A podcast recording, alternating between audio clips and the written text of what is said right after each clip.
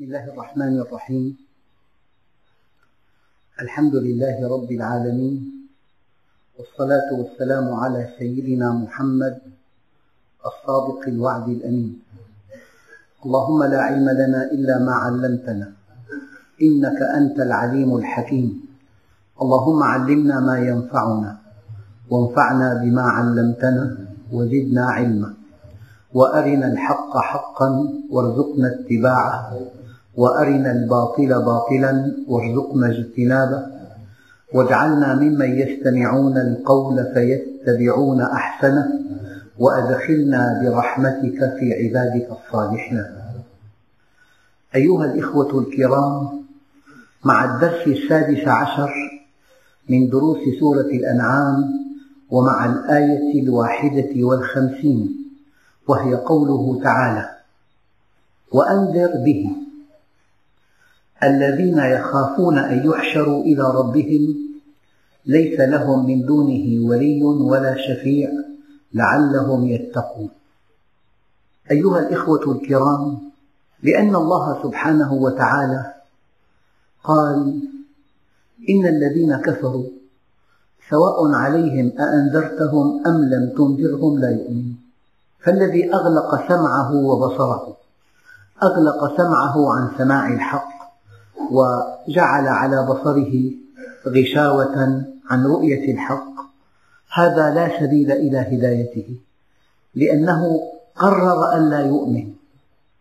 وقد قال بعض المفكرين لم أجد أشد صمما من الذي يريد أن لا يسمع. وقال الذين كفروا لست مرسلا. إذا الإنسان حينما يبحث عن الحقيقة حينما يحاسب نفسه حينما يسأل من أين وإلى أين ولماذا حينما يبحث عن سر وجوده لماذا أنا في الدنيا؟ ماذا يراد مني؟ ماذا بعد الموت؟ ما الذي يرضي الذي خلقني؟ الإنسان حينما يبحث عن إجابات لأسئلة كبيرة هذا أنذره يا محمد. هذا ينتظر أن يستجيب لك. أما الذي يبحث عن شهوته فقط هذا جعل على بصره غشاوة وجعل في أذنيه وقرا. والقرآن كما قال الله عز وجل هو عليه عمى ولا يزيد الظالمين إلا خسارة. ولو نزلناه على بعض الأعجمين فقرأه عليهم ما كانوا به مؤمنين. إذا يستحيل أن تعرف الحقيقة وأنت لا تطلبها. يستحيل أن تضع يدك على الحق وأنت لا تبحث عنه. وهذا المعنى الدقيق تؤكده آيات كثيرة. إن في ذلك لآية لكم إن كنتم مؤمنين. قد يقول أحدكم أنا بالآيات أؤمن أما إذا كنت مؤمنا من قبل أنتفع بهذه الآيات ما معنى هذا الكلام؟ معنى هذا الكلام ما لم تتخذ قرارا بمحض اختيارك في البحث عن الحقيقة لن تنتفع بالحقيقة فلذلك أنا أشبه الإنسان الذي لا يطلب الحقيقة كآلة تصوير غالية جدا التقطت بها أجمل المناظر ولكن هذه الآلة ليس فيها فيلم يستقبل هذه المناظر. بعض المسلمين يريد أن يقول إن هؤلاء الذين اخترعوا هذه المنجزات حتما هم في الجنة. من جعلك وصيا على البشر؟ هو أراد الثروة فقط أراد الشهوة فقط. أراد التفوق في الدنيا فقط. فلماذا تحمله ما لا يطلب؟ لماذا تقحمه فيما لا يريد؟ لست وصيا على أحد تقييم العباد من شأن خالق العباد. استرح وأرح. نحن نحكم بالظاهر والله يتولى السرائر. لذلك يقول الله عز وجل وأنذر به أي بالقرآن. الذين يخافون أن يحشروا إلى ربهم. قال بعض أصحاب النبي رضوان الله تعالى عليهم أوتينا الإيمان قبل القرآن. يعني بحثنا عن الحقيقة وصلنا إليها. من هذا يتضح أن الله عز وجل حينما قال والذين جاهدوا فينا لنهدينهم سبلنا وإن الله لمع المحسنين. أنت حينما تسأل يا رب أين الحق؟ يتولى الله أن يهديك إليه. هذا الطلب العميق هذا الطلب الذي تنطوي عليه الله عز وجل تولى هدايتك. قال تعالى إن علينا للهدى. الله عز وجل تولى هداية كل باحث عن الحقيقة. فلذلك مما يطمئن الإنسان قوله تعالى ولو علم الله فيهم خيرا لأسمعهم لا تقلق على البشر. لو أن إنسانا في أطراف الدنيا طلب الحقيقة لساقه الله إليها أو لساقها إليه. هذه حقيقة مقطوع بها لأن الله تولى هداية الخلق. هو خلقهم ليسعدهم خلقهم ليهديهم إليه خلقهم ليدفعهم إلى بابه. خلقهم ليكونوا سعداء في الدنيا والآخرة. قال تعالى إلا من رحم ربك ولذلك خلقهم. لا تصغوا إلى من يقول الله عز وجل خلقنا ليعذبنا. هذا كلام الشيطان. هذا كلام مرفوض. الله عز وجل خلقنا ليسعدنا. خلقنا ليهدينا إليه. إني والإنس والجن في نبأ عظيم. أخلق ويعبد غيري وأرزق ويشكر سواي. خيري إلى العباد نازل وشرهم إلي صاعد.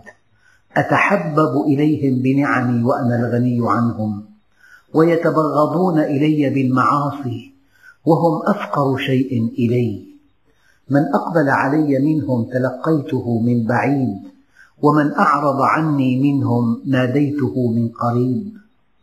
أهل ذكري أهل مودتي أهل شكري أهل زيادتي أهل معصيتي لا أقنطهم من رحمتي. إن تابوا فأنا حبيبهم وإن لم يتوبوا فأنا طبيبهم. أبتليهم بالمصائب لأطهرهم من الذنوب والمعايب. الحسنة عندي بعشرة أمثالها وأزيد. والسيئة بمثلها وأعفو وأنا أرأف بعبدي من الأم بولدها.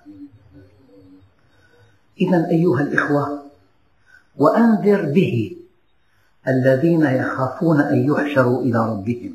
هؤلاء يصغون إليك. هؤلاء يرجى أن يستجيبوا. هؤلاء يرجى لهم أن ينجوا من عذاب الدنيا وعذاب الآخرة. وأنذر به الذين يخافون أن يحشروا إلى ربهم. ليس لهم من دونه ولي ولا شفيع. هذا هو التوحيد. هم يعلمون علم اليقين أن الله وحده هو الذي يحفظهم وأنه مهما كنت قويا ومهما كنت غنيا لا ينفعك غناك ولا قوتك عند الله عز وجل. لا ينفعك إلا استقامتك واتباعك للحق. لذلك الله عز وجل وحده لا منجى منه إلا إليه. نعوذ برضاك من سخطك. لا منجى منه إلا إليه. ليس لهم من دونه ولي يتولى أمرهم ولا شفيع يشفع لهم. لذلك يوم القيامة يأتي الناس فرادى. أما في الدنيا يتواطؤون يتآمرون يدعمون بعضهم على باطل. ذكرت اليوم أن بيتين من الشعر يفسران تناقضات العالم اليوم. قتل امرئ في غابة جريمة لا تغتفر وقتل شعب مسلم مسألة فيها نظر. الناس يتواطؤون مع القوي يخافون بطشه أو يرجون ما عنده. فيضعون تحت أقدامهم قناعاتهم. لكن يوم القيامة يأتي الناس فرادا. كل إنسان سوف يأتي ربه فردا لا معين ولا نصير ولا ولي. ورد في بعض الآثار أنه قد تقع عين الأم على ولدها يوم القيامة. تقول يا بني قد جعلت لك بطني وعاء. وصدري سقاء وحجري وطاء فهل من حسنة يعود علي خيرها اليوم؟ يقول ليتني أستطيع ذلك يا أماه إنما أشكو مما أنت منه تشكين لذلك أنذر به الذين يخافون أن يحشروا إلى ربهم. هذه النفس اللوامة. هذه النفس التي تقلق لذنب ألمت به. هذه النفس التي تحاسب ذاتها. هذا الذي يتحرك حركة عشوائية هو دابة عند الله عز وجل. أما المؤمن وقاف عند كتاب الله النفس اللوامة تحاسب نفسها حسابا عسيرا ومن حاسب نفسه في الدنيا حسابا عسيرا كان حسابه يوم القيامة يسيرا. ومن حاسب نفسه في الدنيا حسابا يسيرا كان حسابه يوم القيامة عسيرا. لذلك رأس الحكمة مخافة الله. كلما ازددت علما بالله ازددت خوفا منه. لأنك تعرف عن عدالته شيئا كثيرا. تعرف أنه الحق وأنه العدل وأن الناس يوم القيامة تسوى حساباتهم. يؤخذ للمظلوم من الظالم. ولو يعلم الظالم في الدنيا كم سيأخذ المظلوم من الله لظن أن يظلمه. مرة قال أحدهم لشخص لقد اغتبتني. قال ومن أنت حتى أغتابك؟ من أنت؟ لو كنت مغتابا أحدا لاغتبت أبي وأمي لأنهما أولى بحسناتي منك. والظالم لو علم يوم القيامة ما سيأخذ هذا المظلوم من الله. لظن أن يظلمه في الدنيا. فوربك لنسألنهم أجمعين عما كانوا يعملون. يؤخذ للشاة الجلحاء من الشاة القرناء يوم القيامة. لو أن شاة قرناء نطحت شاة جلحاء إلى قرون لأخذ حقها يوم القيامة. لو أن إنسان اصطاد عصفورا دققوا. لغير مأكلة للتسلية لأن هوايته الصيد. أتى يوم القيامة له دوي تحت العرش. يقول يا رب سله لما قتلني. والله أيها الإخوة لو يعلم الناس ماذا ينتظرهم من حساب دقيق لعدوا للمليار قبل أن يظلموا مخلوقا. شعوب تقتل بأكملها. بآخر الزمان ظلم لا يعلمه إلا الله. أخبر عنه النبي صلى الله عليه وسلم قال تمتلئ الأرض ظلما وجورا فيأتي أخي عيسى فيملأها قسطا وعدلا بعد عودته إلى الدنيا. أيها الإخوة هذا الذي يخاف أن يحشر إلى الله فيسأل هذا مظنة خير يا محمد توجه لهذا الإنسان. وقد قال الله عز وجل فذكر إن نفعت الذكرى لقد أسمعت لو ناديت حيا ولكن لا حياة لمن تنادي ونار لو نفخت بها أضاءت ولكنك تنفخ في رمادي. المؤمن يرى أن الأمر بيد الله وحده وأن الناس كل الناس لو أثنوا عليك ولم تكن عند الله مرضيا لا قيمة لثنائك. ولو أن الناس جميعا غضبوا عليك ولم تكن عند الله مغضوبا لما أثروا عليك إطلاقا. العبرة أن تكون عند الله مرضيا. إن المتقين في جنات ونهر في مقعد صدق عند مليك مقتدر. أيها الإخوة الآن في لهذه الآية التالية ولا تطرد الذين يدعون ربهم بالغداة والعشي يريدون وجهه ما عليك من حسابهم من شيء وما من حسابك عليهم من شيء فتطردهم فتكون من الظالمين. زعماء قريش سادة قريش علية القوم في قريش لما رأوا أن الذين حول النبي هم فقراء من دهماء الناس ومن سوقتهم من المستضعفين. وهناك مصطلح جاهلي من الصعاليك يعني إنسان فقير يعني إنسان في الدرجة الدنيا في المجتمع. لا يؤبه له لا يفتقد إذا غاب ولا يعرف إذا حضر. أشعث أغبر ذو قمرين مدفوع بالأبواب. لما رأى سادة قريش وزعماء قريش وكبراء قريش الأقوياء الأغنياء الذين آتاهم الله مالا وجاها وشأنا وقوة رأوا ضعافا حول النبي من أراذل القوم أي من فقرائهم. تبعك إلا الذين هم أراذلنا بادي الرأي. نعم. فأبوا أن يجلسوا في مجلس النبي.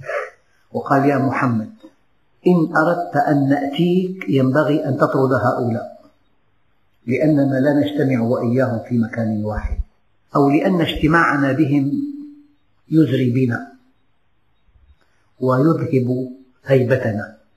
نحن في مستوى رفيع وهم في مستوى وضيع. فيا محمد إن أردت أن نأتيك فاطرد هؤلاء ولا تطرد الذين يدعون ربهم. فلما أبى النبي ذلك هؤلاء أرادوا وجه الله عز وجل. أعطوه حلا وسطا. إن أردت أن نأتي إليك اجعل لنا وقتا ولهم وقت. إن خرجنا من عندك فاسمح لهم بالدخول إليك. النبي عليه الصلاة والسلام لشدة حرصه على هداية الخلق ولأنه تصور وهو الذي أحب الخلق جميعا أن هؤلاء الكبار إذا أسلموا كل أتباعهم يسلمون فكأنه مال إلى أن يقبل حلهم الوسط أن يكون لهؤلاء الكبراء مجلس ولهؤلاء الضعفاء والفقراء مجلس آخر. لكن جاء العتاب الإلهي. لكن يجب أن نعلم علم اليقين أن عتاب الله عز وجل نوعان. عتاب لك وعتاب عليك. ما معنى عتاب لك؟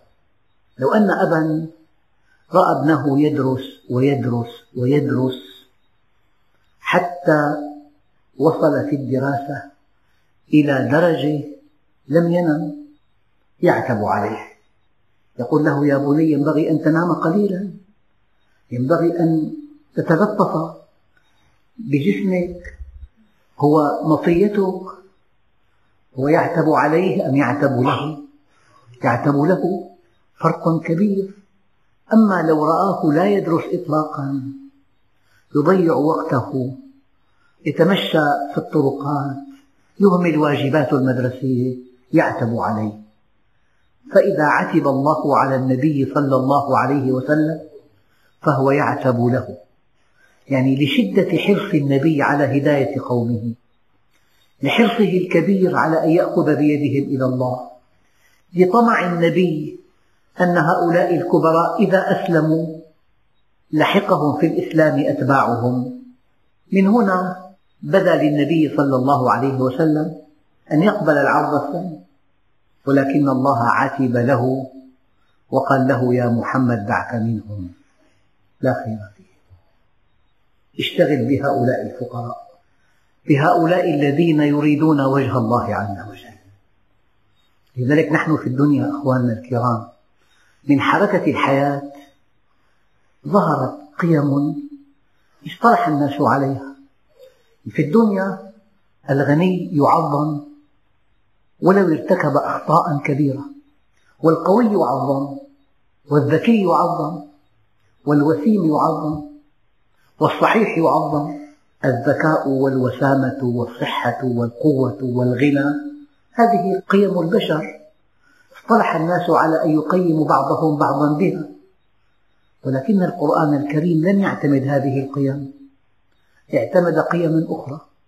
قال تعالى يرفع الله الذين آمنوا منكم والذين أوتوا العلم درجات قال تعالى وعلمك ما لم تكن تعلم وكان فضل الله عليك عظيما.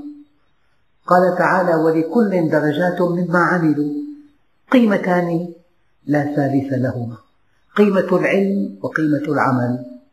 هذه القيم التي اعتمدها القرآن الكريم في الترجيح بين الخلق.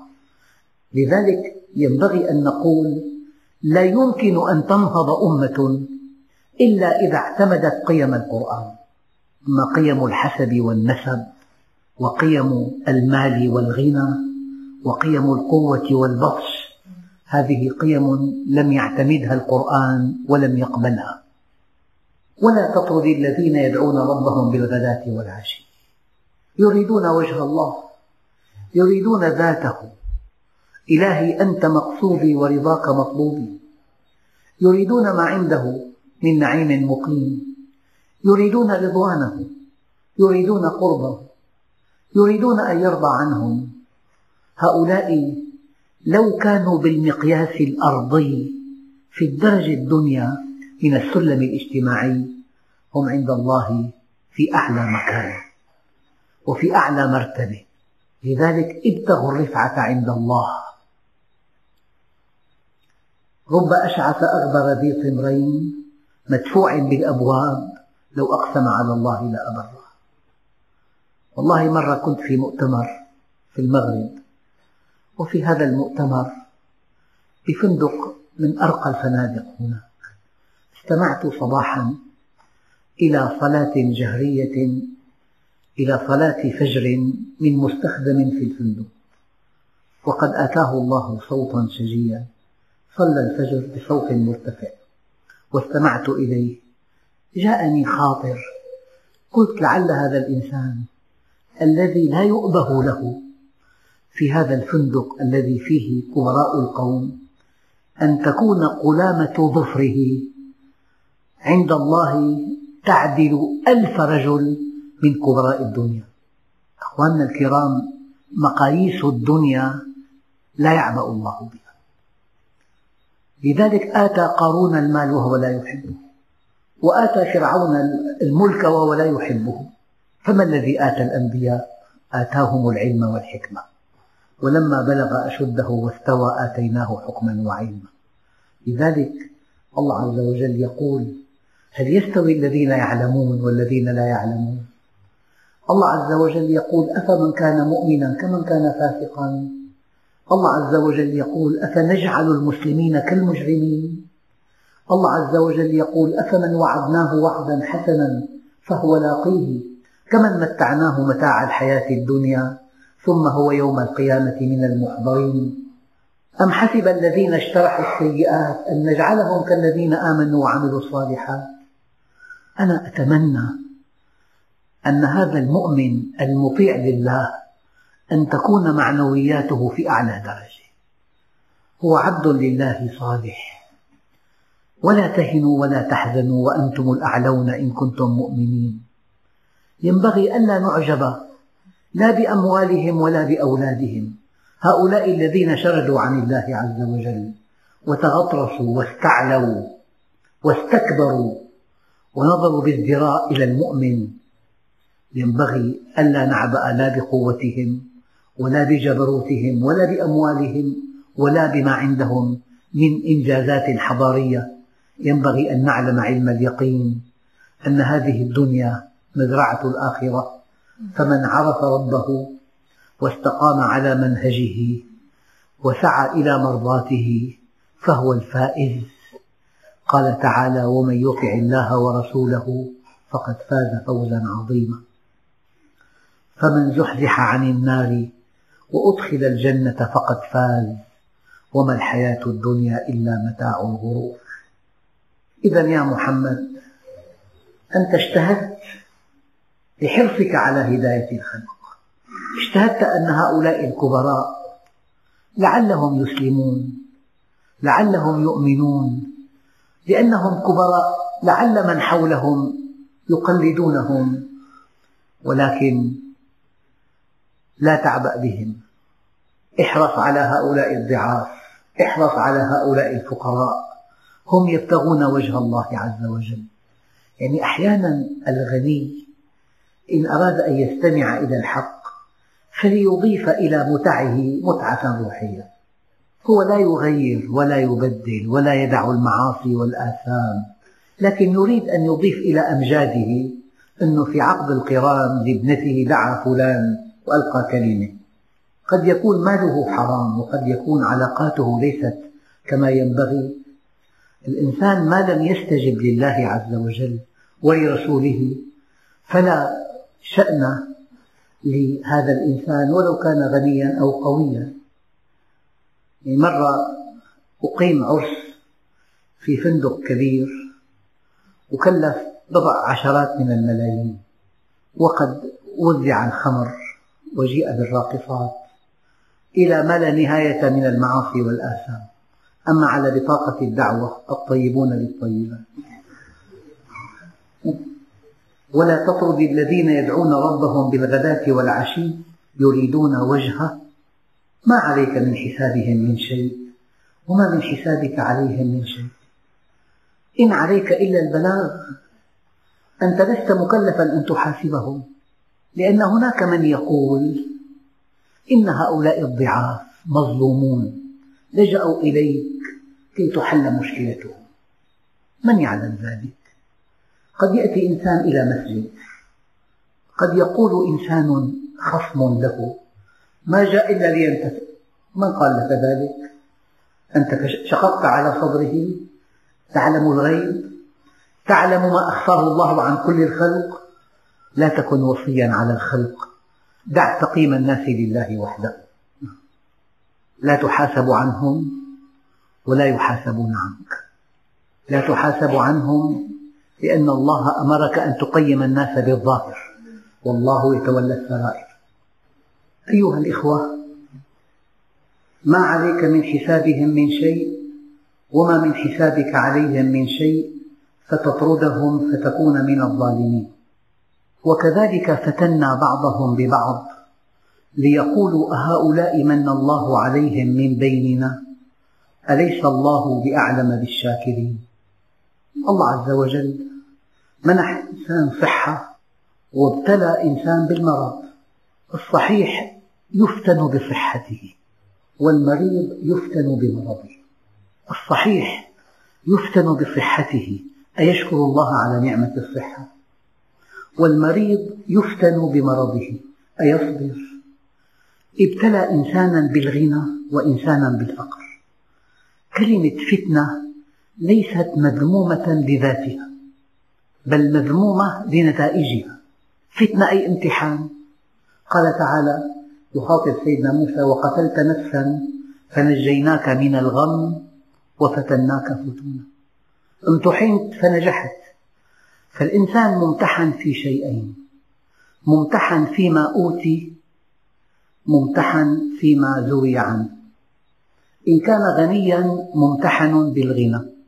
وإن كان فقيرا ممتحن بالفقر. إن كان غنيا ممتحن بالغنى. وإن كان فقيرا ممتحن بالفقر. وإن كان قويا ممتحن بالقوة. وإن كان ضعيفا ممتحن بالضعف. فأنت ممتحن فيما زوي عنك وممتحن فيما أوتيت. ممتحن مرتين. فلذلك الغني قد ينجح بامتحانه وقد لا ينجح. والفقير قد ينجح وقد لا ينجح. فالعبرة ليست في الامتحان في النتيجة. ربما نجح الفقير بامتحان الفقر ولم ينجح الغني بامتحان الغنى. فاستحق الفقير جنة عرضها السماوات والأرض واستحق الغني الذي لم ينجح بامتحان الغنى عذابا أليما إلى أبد الآبدين.